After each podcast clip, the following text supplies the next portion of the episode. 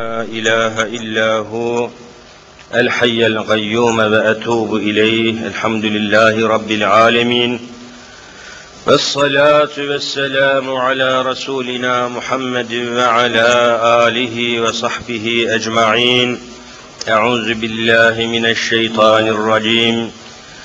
بسم الله الرحمن الرحيم. رب اشرح لي صدري ويسر لي أمري واحلل عقدة من لساني يفقه قولي. آمين. بحرمة حبيبك الأمين. أما بعد فالأول الله والآخر الله والظاهر الله والباطن الله. فمن كان في قلبه الله فمعينه في الدارين الله. فمن كان في قلبه غير الله فخصمه في الدارين الله.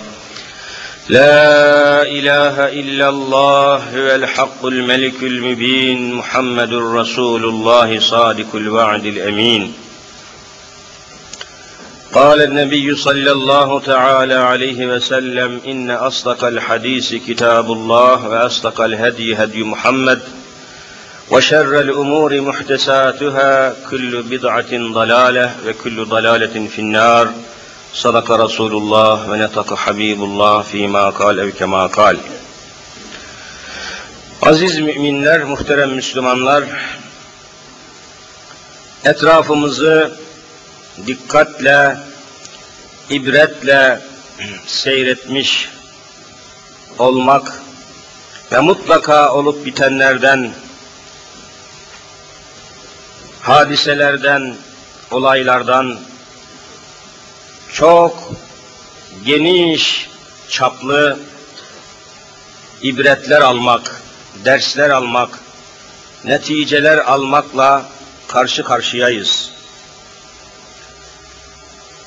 Kur'an-ı Mübin devamlı olarak fe'tebiru ya ulil ebsar Ey basiret sahipleri olup biten şeylerden her türlü cereyan eden hadiselerden çatışmalardan, çarpışmalardan, olaylardan, eylemlerden ibret alınız.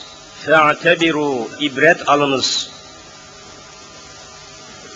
olayları gayesiz, manasız seyretmeyiniz.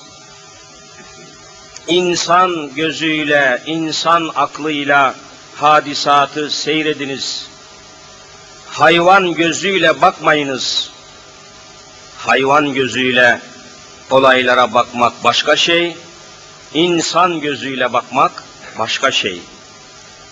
Akil ve balik olmuş, yani aklen kemale ermiş, büluğa ulaşmış, erginlik çağına ulaşmış, mükellef olmanın yaşına gelmiş her mümin kadın ve erkek, her Müslüman kadın ve erkek olaylardan ibret almakla mükelleftir. Hadiseleri hadiseleri seyrederken bunların neticelerini sonuçlarını ve kendisiyle olan ilgisini ve bağlantısını bulmakla mükelleftir.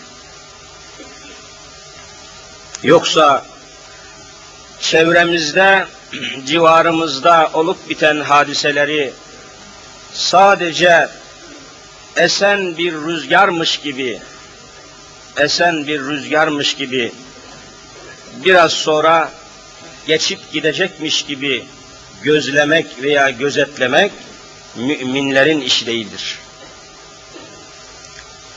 Herhalde cemaatimiz, cemaat-i müslimin olarak, Müslüman cemaat olarak hüsnü zan ediyoruz. Hüsnü zan ile bakıyoruz ki inşallah olup bitenlerin, yayınların, olayların karşısında sadece basit bir seyirci durumunda kalınmamalı ve bunlardan çok geniş ibretler, çok geniş dersler almalı ve bunları değerlendirmeliyiz. Çocuklarımızı, ehlü iyalimizi, yakınlarımızı, muhitimizi, mahallemizi akraba ve taallukatımızı bu alınan derslerden ve ibretlerden haberdar etmeliyiz. Hiç kimse neme lazım, beni alakadar etmiyor dememeli. Benimle bir ilgisi, benimle bir alakası yok dememeli. Dolayısıyla kenara çekilmemeli, vicdanen, ahlaken, ruhen, kalben, manen olayların sıkıntılarını hissetmeli, vicdanında bu rahatsızlığı duymalı ve Müslümanları alakadar eden meselelerde tarafsız olmamalı, la kayıt olmamalı, la ubali olmamalı ve mutlaka bunları nefsinde, ruhunda acısını, sancısını, sıkıntısını hissetmeli. Başka türlü mümin olmanın sıfatı tecelli etmez. Gördüğünüz gibi yeryüzünde ne kadar söylemek istemeseler de, ismini koymak istemeseler de, iman ile küfür savaşı çok açık surette devam ediyor. İman ile küfür. Vaka dünya kurulduğundan beri böyle. Dünya dediğimiz gezegen, dünya dediğimiz yerde, yeryüzünde insan hayatı başladığı günden bugüne kadar iman ile küfür, hak ile batıl, İslam ile gayri İslam savaş halinde, mücadele halinde olduğunu zaten Müslümanlar biliyor. Şimdi 20. asır kapanıyor, 21. asır başlıyor dedikleri halde farkındaysanız yine aynı savaş bütün şiddetiyle belki daha şiddetli, daha vahşetli bir şekilde devam ediyor.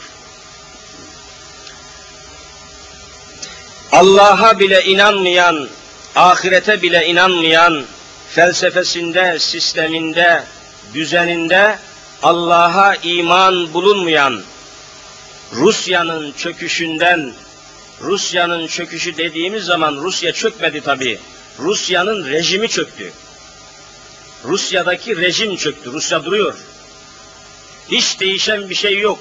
Rusya aynen ayakta duruyor. Sadece çöken rejimi yani yönetim şekli çöktü. Aynı kafirler duruyor, aynı melunlar duruyor, aynı Allahsızlar duruyor. Aynı generaller duruyor, aynı örgütler duruyor, aynı partiler duruyor. Değişen hiçbir şey yok, sadece rejim çöktü. O şekilde dehşetiyle devam ediyor. Ama bu Rusya'daki rejimin çökmesi yeryüzündeki Müslümanları çok zor duruma soktu.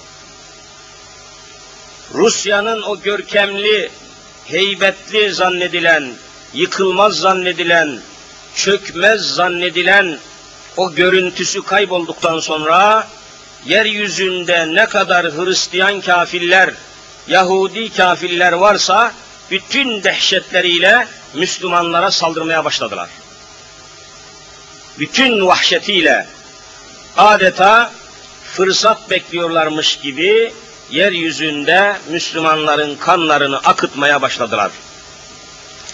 Ve ne kadar Hristiyan ülke, Hristiyan dünya, Hristiyan bölge, Hristiyan kıta varsa hepsi söz birliği etmişçesine Birleşmiş Milletleri NATO'suyla, insan hakları komisyonlarıyla, her şeyiyle söz birliği etmiş gibi Müslümanların akan kanına seyirci kalmışlardır.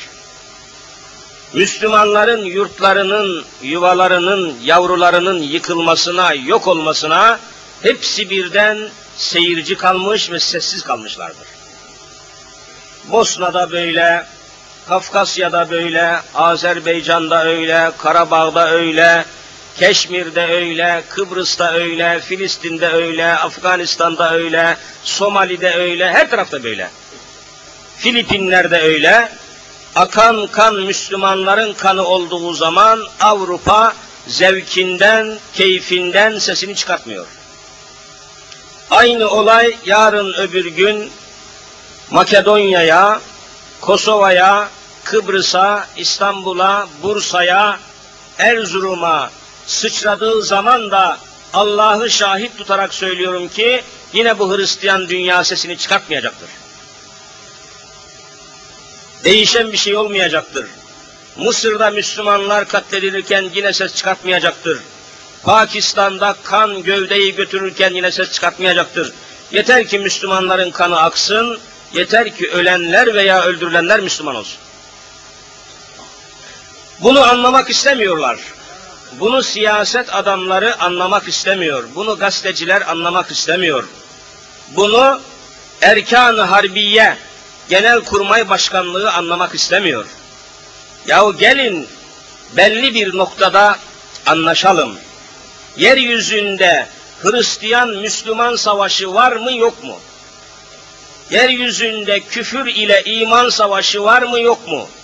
Yeryüzünde hak ile batıl savaşı var mı yok mu? Evvela burada bir anlaşalım. Fakat mümkün olmuyor. Mümkün olmuyor. Farkındaysanız televizyonun muhtelif kanallarında açık oturumlar düzenliyorlar. Toplantılar tertip ediyorlar, tartışmalar yapıyorlar ve hiçbirisi Hristiyan İslam savaşı vardır demiyor. İman ile küfür savaşı vardır demiyor. Hususiyle bunu söylemiyor. Ne kadar saklasanız da, ne kadar yasaklarsanız da, ne kadar gizleseniz de, bugün dünyada bir İslam ve bir de Hristiyan savaşı var.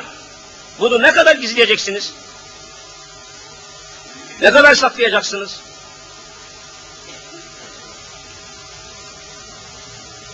Saatlerce konuşuyorlar, saatlerce laf üretiyorlar, söz üretiyorlar, gevezelik ediyorlar o profesörler. Açık oturumlarda dinleyip dinleyip de insanın kafasına bir kelime bir şey veremeyen içi kof, içi boş profesörler. Hiçbir davaya, hiçbir meseleye gerçek parmak basmayan profesörler. Vallahi bütün aklımla, fikrimle, beynimle, dikkatle dinliyorum. O profesörlerin konuşmalarından zerre kadar faydalanamıyorum. Hiçbir şey söylemiyorlar. Çünkü meseleyi kaynağından ele almıyorlar. Temelinden, kökeninden ele almıyorlar. Ve bu adamların millete verecekleri hiçbir şey olmadığı ortaya çıkıyor. Adını tartışma koyuyorlar, bir program ter tertipliyorlar. Sizin de herhalde gördüğünüz gibi veya takip ettiğiniz gibi efendim laiklik ilkesini tartışacağız diyorlar. Bir program düzenliyorlar. Falan falan katılacak diyorlar. Falan profesör, falan konuşmacı, falan yazar, falan milletvekili katılacak. Halkın gözünün önünde televizyon ekranında tartışılacak laiklik diyorlar. Bir bakıyorsunuz değişik kanaatleri, değişik görüşleri, değişik düşünceleri olan kişileri son anda programdan çıkartıyorlar. Kendi kafalarına, kendi havalarına, kendi arzularına uygun kukla, sapık, çarpık adamları oturtup saatlerce konuşturup milletin beynini bağlamaya çalışıyorlar. Bunun adına tartışma denmez ki. Tartışma demek değişik düşüncelerin, değişik kanaatlerin, değişik fikirlerin bir araya gelmesiyle yapılan toplantıya tartışma denir. Hani bazı yerlerde farkındaysanız piknik yerlerinde şöyle ilanlar görürsünüz. Kendin pişir, kendin ye. Bu televizyon kanallarında da aynı şeyi yapıyor. Kendileri pişirip kendileri yiyorlar. Hani değişik görüş? Hani ayrı bir kanaat ortaya koyacak adamı niye çağırmıyorsunuz? Hadi çağırdınız, programa 15 dakika kala niye çıkartıyorsunuz? Niye korkuyorsunuz? Değişik görüşlerden, değişik bilgilerden, değişik kanaatlerden niçin korkuyorsunuz? Hani sizin kültürünüz, ilminiz, irfanınız? Şartlandırıyorlar. Programı takdim eden spiker dediğimiz sunucu dedikleri kadın bile sunucu dedikleri o konuşmacıları topluma, seyirciye takdim etmekle görevli olan o programcı bile bir numaralı kafir. Belli, konuşmasından belli, tavrından belli, sorusundan belli, sorgusundan belli. Planını çıkartmışlar, hazırlıklı çıkartmışlar. Kendileri gibi düşünen, kendileri gibi söyleyen, kendileri gibi oynayan, kendileri çalıp kendileri oynuyorlar. Adına da tartışma diyorlar. Tartışma olmaz ki bu. Telkin olur. Sen aynı fikri telkin ediyorsun. Başka türlü düşünen adama programda yer vermiyorsun. Bunlardan ders alınmayacak mı? Bunlardan ibret alınmayacak mı? Ne yapmak istediklerini anlamak mümkün olmayacak mı? Efendiler, daha diğer değişik kanallarda görüyorsunuz, çeşitli programlar yayınlanarak ne türlü hırsızlıklar, soygunlar, rüşvetler, ırza tecavüz halleri, yolları farkındaysanız harıl harıl yayın sahasına girdi. Falan partinin İzmir il başkanı veya ilçe başkanı iş bulacağım diye kendisine iş vereceğim diye genç bir kızın ırzına nasıl musallat olduğunu dahi resmen gösteriyorlar. Nasıl devletin hazinesini soyduklarını, bu soygunun arkasında nasıl emekli generallerin olduğunu, bu soygunun arkasında tüyü bitmemiş yetimlerin, bu Müslüman halkın verdiği vergilerle oluşan devlet hazinesini soyanların arkasında nasıl MİT müsteşar muavinlerinin, bakanlık yapmış dev milletvekillerinin isimlerini resmen nasıl açıklıyorlar? Görmüyor musunuz Müslümanlar? İbret almıyor musunuz? Bütün bunların sebebi nedir? Hocam bunları bilmeyen mi var ki söylüyorsun diyeceksiniz. Bunları söylemekten maksadım sebebini söylemek içindir. Sebebi var. Neden böyle bir nesil peydahlandı? Bu sorumsuz nesil, bu soyguncu nesil. Adam devlet bakanı olmuş hazineyi soyuyor. Bir partinin il başkanlığına gelmiş genç bir kızın ırzına tecavüz ediyor bir belediyenin başına geçmiş belediye başkan olmuş, halkı soyuyor, rüşveti bir numaralı mesele haline getirmiş. Adam milletvekili olmuş, koltuğunun altındaki bütün dosyalar şahsi menfaatlerinin dosyası. Milletin meselesiyle bir kişi ilgilenmiyor. Niye bu hale gelmiş? Bunlar dışarıdan mı geldi? Biz bu adamları devletin hazinesini soyan bu kişileri Fransa'dan mı getirttik? Hayır. Yunanistan'dan mı geldiler? Hayır. Bu adamlar burada yetişti. Buranın mekteplerinde okudu. Buranın eğitiminden geçti. Buranın yönetiminden geçti. Buranın ekmeğini, buranın yemeğini yedi, buranın suyunu içti. Peki niye bu hale geldiler? Efendiler, şu önümde duran Kur'an'a yemin ile söylüyorum ki, bütün bu sorumsuzlukların, bütün bu olumsuzlukların, bütün bu yolsuzlukların, bütün bu batakların, bütün bu küfürlerin, sapıklıkların bir tek sebebi var. Ah vakit olsa da cemaati müslimin de o vaktin başından sonuna kadar yerleşik bir cemaat haline gelse de bütün bu konuları ekin biçer gibi nasıl hani tarlada biçer döverler vardır. Bıçağıyla ekinin başaklarını topluyor, arkasından buğday olarak torbalara dolduruyorsa, bunun gibi konuşma imkanı, zamanı, zemini bulabilsek, bütün bunları rahat rahat anlatabilsek diye, vallahi içim içimi kemiriyor. Herkes bir televizyon kanalı buldu, kurdu, işletiyor. Nüfusunun yüzde 99'u Müslüman olduğu söylenen bir ülkede bir tek İslami yayın yapacak televizyon kanalına henüz Müslümanlar sahip değil. Bundan daha utanç verici, bundan daha insanı sıkı, sıkıntıya sokan başka bir durumumuz yok şu anda. Mümkün değil. Her taraftan konferansa çağırıyorlar. Her taraftan sohbete çağırıyorlar. Gidiyoruz. Geçen hafta Malatya'dan çağırdılar, gittim. İmam Hatip Yaptırma ve Yaşatma Derneği'nin davetine katıldım. Uçaktan götürdüler, uçaktan getirdiler kısa birkaç gün içinde. Malatya'nın en büyük salonu kapalı spor salonu. Çok çok ağzına kadar sıkıştırsanız 5000 kişi alıyor. Gittik, ilan etmişler Müslümanlara halka. Konferans günü, akşam 7'de ulaştım. Hiçbir teyide gerek görmeden söylüyorum, o en fazla 5000 kişinin olacağı salona, içeriye tam 15 bin kişi doldurmuşlardı. Girerken de boğulma tehlikesi geçirdim, vallahi çıkarken de tehlike geçirdim. Polisler olmasa boğuluyordum. O izdihamdan, o kalabalıktan, o izdihamda ağzınızla kuş tutsanız, akla hayale gelmez yeni meseleler anlatsanız, o sıkıntıda sizi kim dinleyecek, nasıl dinleyecek? 15 bin kişiyi içeriye doldurmuşlar. Gelmiş ama gelmiş Müslümanlar. Emin olunuz 25 bin kişi de dışarıda içtima etmişti. 35 bin kişi saatlerce içeride ve dışarıda ezildi, büzüldü, dizildi, zorlandı. Konferans dinlemek için gelmiş dinleyemedi. Bu kadar zahmetlere, sıkıntılara girmeye gerek yok.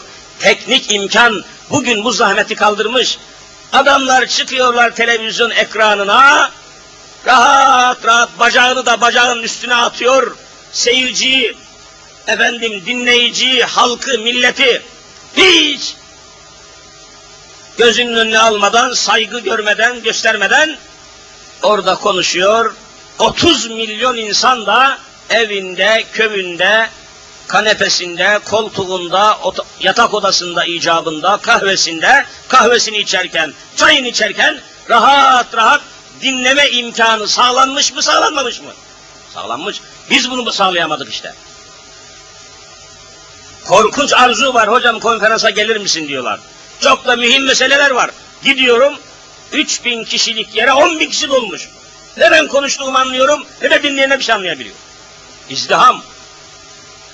Niye bu hale gelelim teknik asırda, bu teknolojik devirde, elin fahişeleri, elin soyguncuları, dansözleri, şantözleri, milyonlara o sahneden, ekrandan, aynadan hitap etme imkanını ve tekniğini bulmuşlar da şu Müslümanlar niye bulamamışlar diye yatıp kalkıp kahroluyorum. Yoksa çok meseleler var, anlatılacak. Öyle insanlarımız, öyle gençlerimiz, öyle zavallı nesillerimiz var ki Allah şahit bilmeden, görmeden, duymadan, hiçbir şeyle karşılaşmadan hak ile, İslam ile, hakikatle buluşmadan körü körüne gidiyorlar. O halde vaktimiz oldukça azaldı ama bir noktaya temas ederek vaktimizi ezanı Muhammediye kadar değerlendirmeye çalışalım. Şimdi aziz müminler, muhterem Müslümanlar baktılar ki gerek Amerika'sı gerekse Avrupa'sı baktılar, gördüler ve anladılar ki İslam'ı böyle direkt olarak karşısına çıkarak yıkmak mümkün değil. Doğrudan doğruya İslam'a, Hazreti Kur'an'a, Hazreti Muhammed Mustafa'ya karşı çıkmakla İslam'ı yıkamayacaklarını anladılar. Bunu anladılar. Direkt olarak karşı karşıya birdenbire İslam'a hücum etmeyi, Kur'an-ı Kerim'e hücum etmeyi, Hazreti Peygamber'e hücum etmeyi uygun görmediler. Böyle olmaz dediler, anladılar. Direkt olarak birden karşı çıkmayalım dediler. Adamlar türlü türlü taktikler, türlü türlü tertipler uyguluyorlar. Dolayısıyla Kur'an'ı kötülemekle, Hazreti Muhammed'i haşa kötülemekle, İslam'ı kötülemekle Müslümanları Kur'an'dan, İslam'dan, peygamberden ayıramayız dediler. Ayıramayız dediler. Böyle açık gidemeyiz, böyle her şeyi açıkça ortaya koyarsak, açıkça İslam'a, Kur'an'a saldırırsak, bu Müslümanların damarlarını tahrik etmiş oluruz.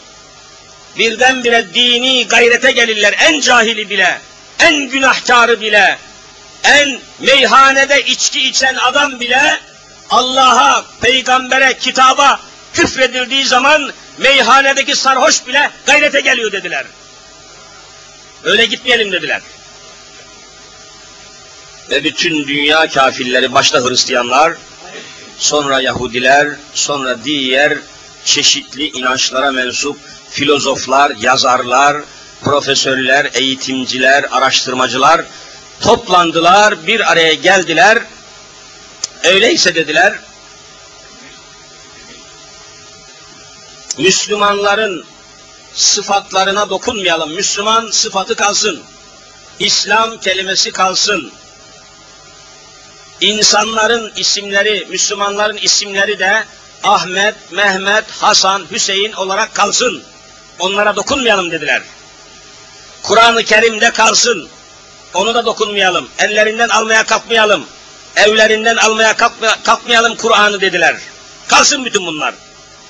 Fakat öyle yayın yapalım ki, öyle yazılar, öyle ilkeler, öyle kelimeler, öyle şablonlar, öyle paragraflar, konuşmalar hazırlayalım ki, İslam kelimesi kalsın, Müslüman kelimesi olsun, fakat İslam'ın muhtevasını, iç dünyasını, manasını, maksadını, içindeki gayeyi ve manayı değiştirmeye, bulandırmaya, çürütmeye çalışalım dediler.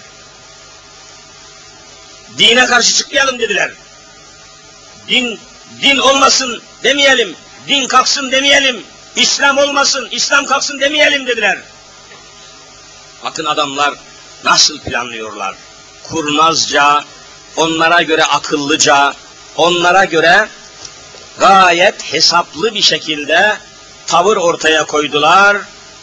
Dine karşı görünmeyelim, dinsiz derler bu Müslümanlar cahiliyle, alimiyle, okumuşuyla, okumamışıyla bizim hilemizi sezerler, üzerimize saldırırlar. Yok yere onları hareketlendirmiş oluruz, tahrik etmiş oluruz. Dine karşı çıkmayalım, İslam'a karşı çıkmayalım, Kur'an'a karşı çıkmayalım. Ama başka kelimeler bulalım, başka ilkeler bulalım, başka sözler bulalım, hiç çaktırmadan İslam'ı yıkalım dediler. Bunun içinde hepinizin bildiği gibi ta efendiler Cumhuriyet kurulmadan evvel daha Osmanlı Osmanlı yönetiminin son zamanlarında ismini de vereceğim tanınmış şiirleriyle, yazılarıyla, fikirleriyle tanınmış bir Osmanlı paşası var. Ziya Paşa. Okullarda edebiyat dersi okuyanların hepsi tanır bunu. Ziya Paşa. Bunun tercih bentleri var, manzum meseleleri var, şiirleri var, beyitleri var. Ziya Paşa şu bulunduğumuz günden 120 sene evvel yaşamış. Cumhuriyet kurulalı 70 sene oluyor biliyorsunuz. Ziya Paşa Cumhuriyet'in kuruluşundan 50 sene evvel yaşamış. Yani 120 sene evvel.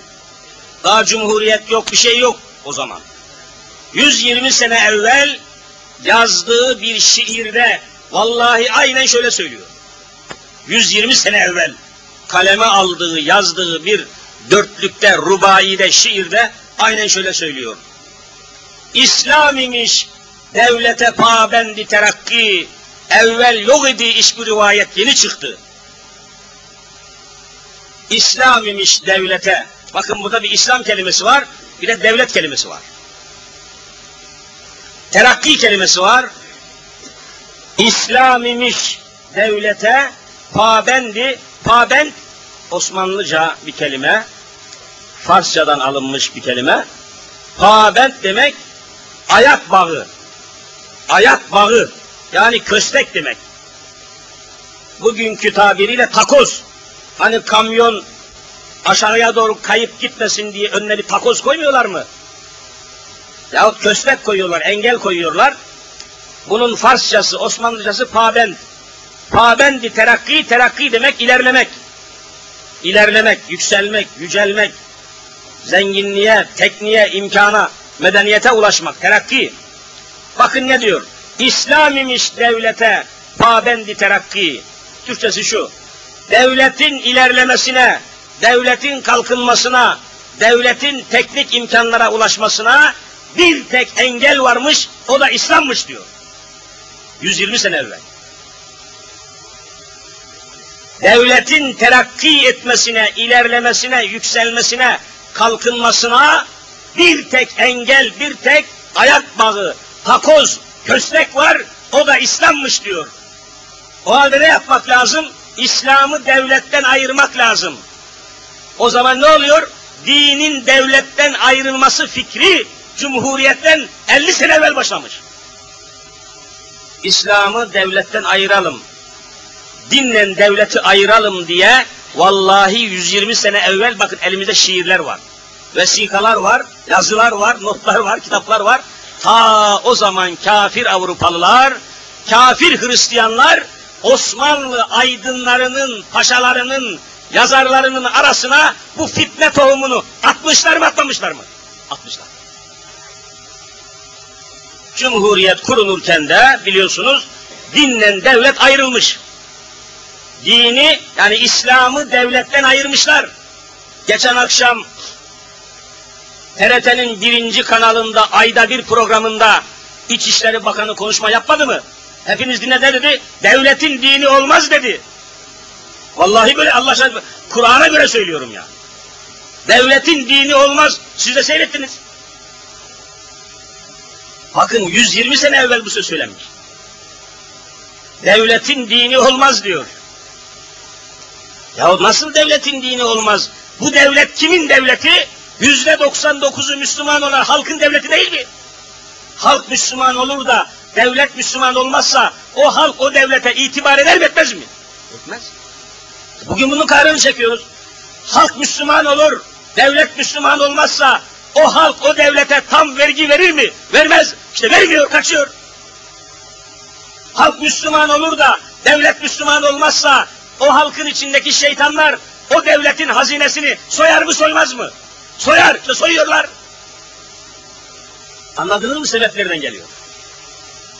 Bütün bu rüşvetlerin, bütün bu fesatların, felaketlerin, bozuklukların temelini Allah aşkına anladınız mı?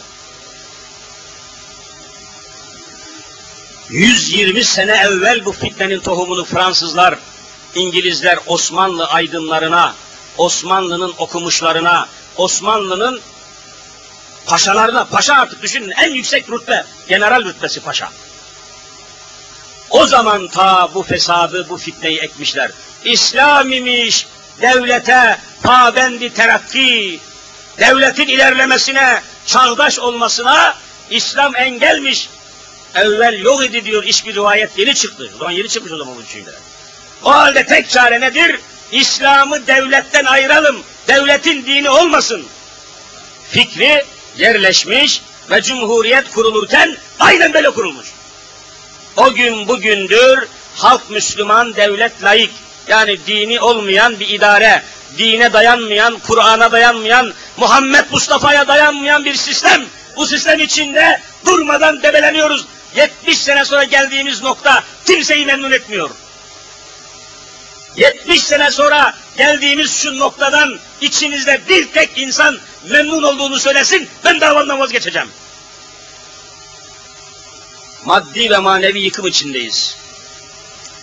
Maddi ve manevi yıkım içindeyiz. Düşünün, bu sebepten dolayı dinin devletten ayrılmasından sonra biliyorsunuz fuhuş aldı başını gitti. Niye? Halkın itikadına göre, milletin itikadına göre zina haram mı değil mi? Haram. Zina haramdır. Ama devlet dinden ayrıldığı için aynı devlet genel evlerini işletiyor mu işletmiyor mu? Bakın ne hale gelmişiz. Bakın ne hale gelmişiz. Ve arkasından tabii fuhuş almış başını gidiyor. Bakın şurada bir elimde bir gazetede bir şey var. Karadeniz'de fuhuş feryadı diyor. Karadeniz ki, Karadeniz şeridi ki namusuna en düşkün insanlar orada yaşardı. Karadeniz'de. Namusuna, ırzına, karısına yan bakanı o akşam öldürmüştür Karadenizli. Böyleyken bakın ne hale gelmiş. Şuradan birkaç satır okuyayım. Bunun sebebini anlattım işte. İtikadımıza, inancımıza göre Müslüman olarak, halk olarak, cemaat olarak inancımıza göre içkinin her çeşidi haram ama devlet tekel bakanlığını kurmuş durmadan şarap imal ediyor. Müslüman olarak halkımızın itikadına göre zina, haram, nikahsız cinsel ilişkide bulunmak haram. Devlet umumhanelerin açılmasına ruhsat veriyor. Safları sıklaştıralım. İyice, iyice, iyice. İtikadımıza göre kumarın her çeşidi haram. Devlet Milli Piyango kurumuyla resmen kumar işletiyor. Niye? Efendim din ayrı, devlet ayrı. E ne olacak? İtimat yıkıldı. Güvenimiz sarsıldı. Bak vergi toplayamıyorsun. Kaçıyorsun, kaçırıyorsun. Halk ayrı. Efendim kurban bayramı yaklaşıyor. Müslüman millet hazırlık yapıyor, devlet hazırlanmıyor. Cumhuriyet bayramı yaklaşıyor, devlet hazırlanıyor, halk hazırlanmıyor. Ayrılıklar başladı. Devletle millet kaynaşması engellendi. İtibarlar, itimatlar yıkıldı. Ve işte hazineler soyuluyor, rüşvetler, işletler, yalanlar, dolaplar, dümenler almış başını gidiyor. Hepsinin sebebi vallahi layıklıktır, billahi layıklıktır. Bakınız.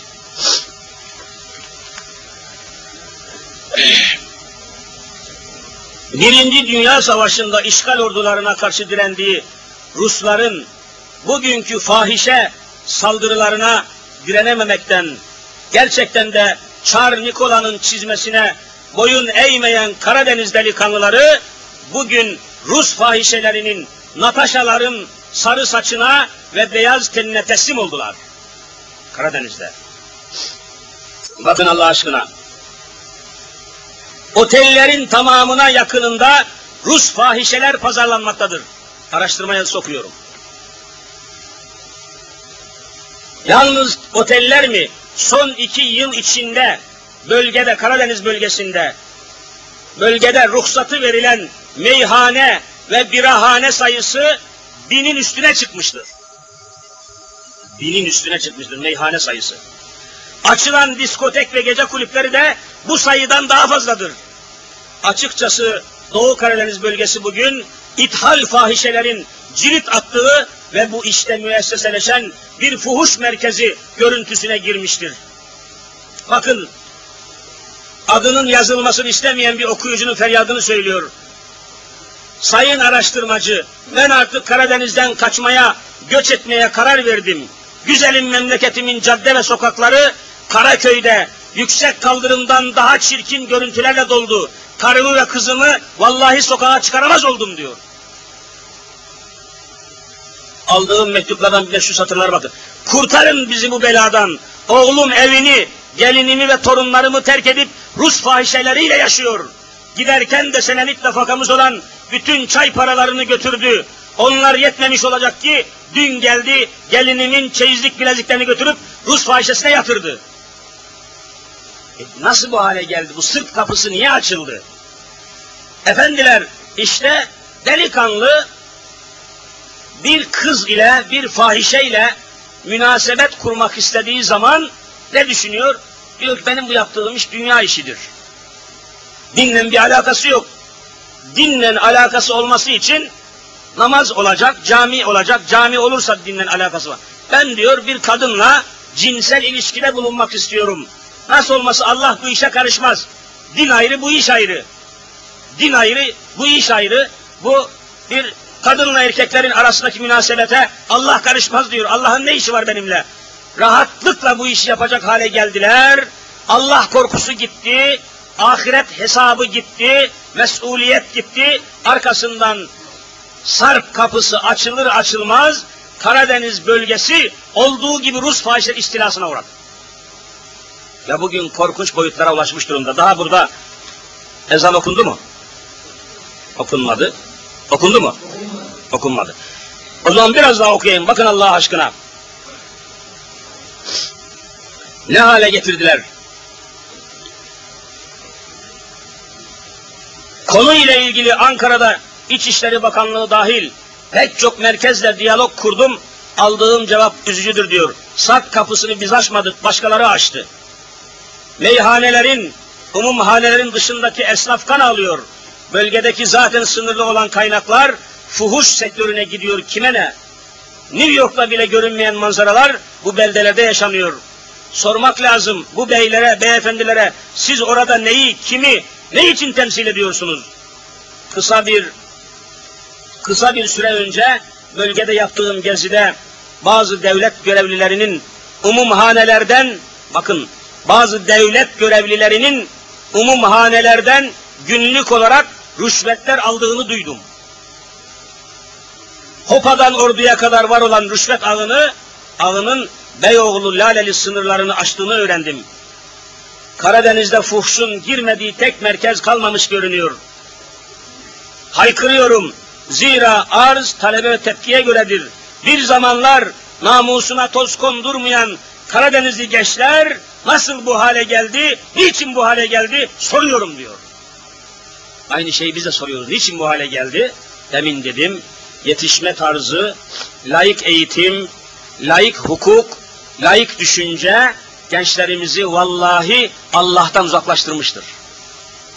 Gençlerimizi hesap gününe iman etmekten uzaklaştırmıştır. Hayatımın hesabını Allah'a vereceğim diye düşünmekten uzaklaştırmıştır.